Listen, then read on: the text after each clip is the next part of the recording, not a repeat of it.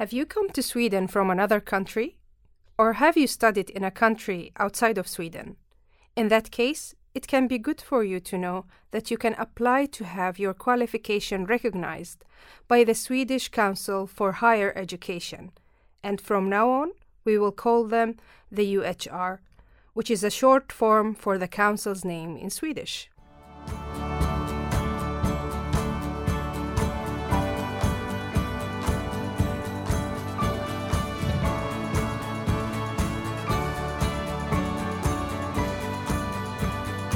With me in the studio, I have Emily Johansson from the UHR. Hi, and most welcome to our studio, Emily. Hello, it's nice to be here. Thank you. Uh, how come it's uh, important to have your foreign qualification evaluated and compared to a Swedish qualification? Well, um, it makes it easier for people to understand what you have studied. Um, you receive a recognition statement from us that can be useful when you apply for jobs or university courses or programs in Sweden, for example. Sounds logical. Uh, I know that the UHR does this evaluation. Does it cost anything? Uh, no, it's free of charge. Okay, great to know. So, uh, if I have a diploma from another country, uh, what should I do in order to get an assessment from you? Well, basically, you have two different options. Um, you can either apply for an ind- individual recognition statement, or you can use our qualifications assessment tool to get an instant overview or comparison of the closest equivalent uh, of your qualification uh, in the Swedish educational system. Okay, so you said there's two ways that I can have my documents uh, assessed. So if you can tell me more about the first way, what is the recognition statement? Um, yeah, a recognition statement is a document that shows what your qualification corresponds to in the Swedish education system. So it shows the level of your studies, basically. Um, we will go through your individual documents, review them, and at the end of the process, if everything is okay, we issue a recognition statement. Uh, the recognition statement is a digital document, so we will send it to you uh, via email. Uh-huh, okay, so what do I want uh, if I have if I want an evaluation from you? What do what should I do? Well, it's easy. You apply on our website, mm-hmm. uh, uhr.se.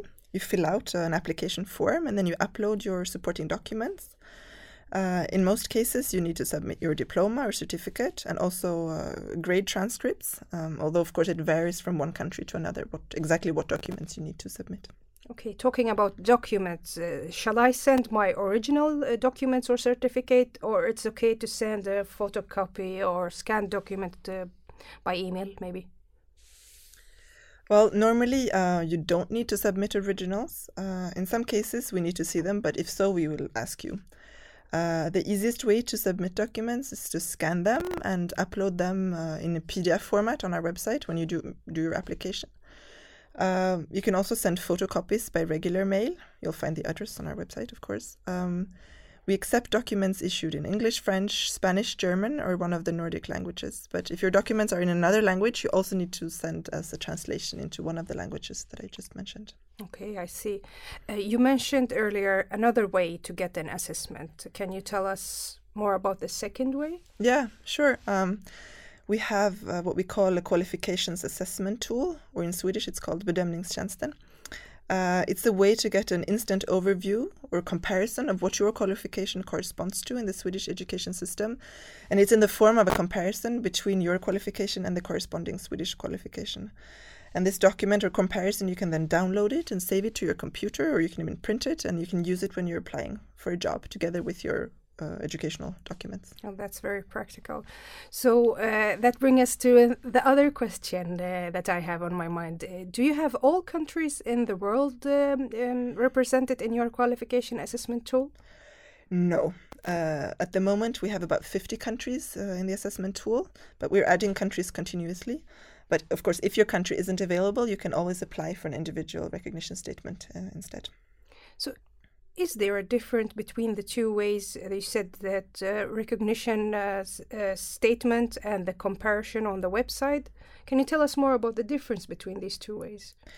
Well, yeah, um, both the recognition statement and the comparison from the qualifications assessment tool can be shown to employers when you're applying for jobs, for example. The difference is that when you apply for a recognition statement, um, we at UHR we review, go through, and evaluate your individual documents. Mm-hmm Whereas the qualifications assessment tool, it gives you a general idea of what a certain qualification corresponds to in the Swedish system without uh, us actually having looked at your individual documents. Okay. So that's the difference. Interesting. So you talked a little bit about uh, employers and uh, showing documents to employers. So uh, if I'm, if let's say if I'm applying for a job here in Sweden, but um, I could use and show these uh, documents. But what if I want to use my foreign diploma in order to study further? What should I do? Um, yeah, well, the first thing to know maybe is that you don't need a recognition statement from UHR in order to apply uh, for uh, higher education uh, here in Sweden. You can always apply directly through antagning.se or universityadmissions.se, and then your qualifications will be assessed during the admissions process. Um, however, if you're interested in studying at bachelor's level uh, here in Sweden, it's a good idea, I think, to apply for recognition of your upper secondary or high school diploma because it can help you plan and prepare for your studies. Uh, the recognition statement that we issue gives you important information in this case, such as if you're eligible for university studies, that is, if you have what we call, call in Swedish grundläggande mm-hmm. Uh, it will show your grade point average and also it will show um, the subjects that you're qualified in, what we call särskild behörighet. Um, I should also maybe add that uh, a recognition statement for post secondary vocational qualifications or higher education qualifications will not show if you're eligible for admissions to, for example, master's level studies, though. Well, impressive how much uh, you can uh, get help from the UHR. But um, is there any qualification that you cannot assess? Um, well, we evaluate and recognize all formal qualifications at upper secondary, post secondary, and vocational and university level if the qualification is completed and a degree has been awarded. Uh, what we don't do is that we don't issue certifications or licenses to work in a regulated profession, though. For example, if you want to work as a teacher, or nurse, or doctor, or any, any other regulated profession, you need a specific certification or license which you cannot get from us. Okay, so let's say I want to work in a regulated profession in Sweden. Uh, what should I do? Where should I turn? Well, you need to contact the authority that's responsible for the regulated profession uh, in question. For example, when it comes to being a teacher, you apply to the National Agency for Education, Skolverket.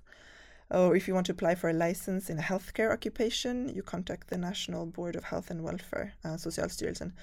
Uh, we also have a lot, uh, quite a bit of information about the regulated professions and the different authorities uh, on our website. Well, that's great to know.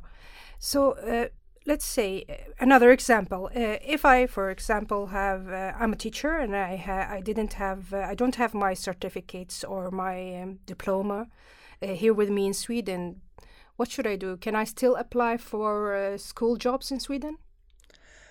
Uh, well, if you have your, your documents, you can send them to us and we can evaluate and recognize your qualification. For example, if you have a degree in pedagogy, then you know you submit the documents to us and we, we can evaluate this degree and uh, issue a recognition statement, um, which you can use, for example, when you apply for a temporary position at a school, for example. Uh, but it's important to understand that our recognition statement is not equivalent to a teaching certification uh, lärarlegitimation, uh, which can which can only be issued by the National Agency for Education, not by us. Okay, very good to know. That brings me to my last question, Emily. Um, some of the people that uh, turn to us, uh, they would come from um, countries with special situation that made that they cannot get, they've maybe completed uh, the education or um, their studies, but they don't have their diplomas and um, documents because of different, uh, you know, reasons. Uh, they might not be able to get it right away or right now. So, can UHR do anything for these people? Yes, this is a very good question, actually, and we know that there are some people that are missing their, their documents. Uh, And um, so, if you've completed your education program, uh, you have your degree, but you're missing some documents, for example, your transcript or your diploma, or, or maybe both. Uh, we may still, in some some cases, be able to assess your qualification. Um, we have some more information about this on our website, and of course, you can always also contact us if oh, you have oh, questions. That's great to know. Um, I'm, I'm sure that will help many people. Well, Emily, thanks for all the helpful information you shared with us today. And thanks for being with us in the studio. Thank you.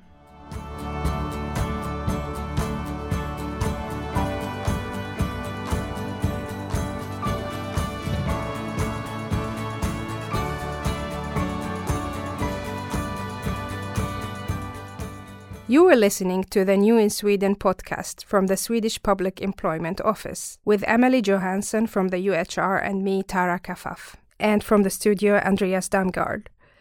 So for more information, contact podcast at arbetsförmedlingen.se. This episode was produced in October 2020.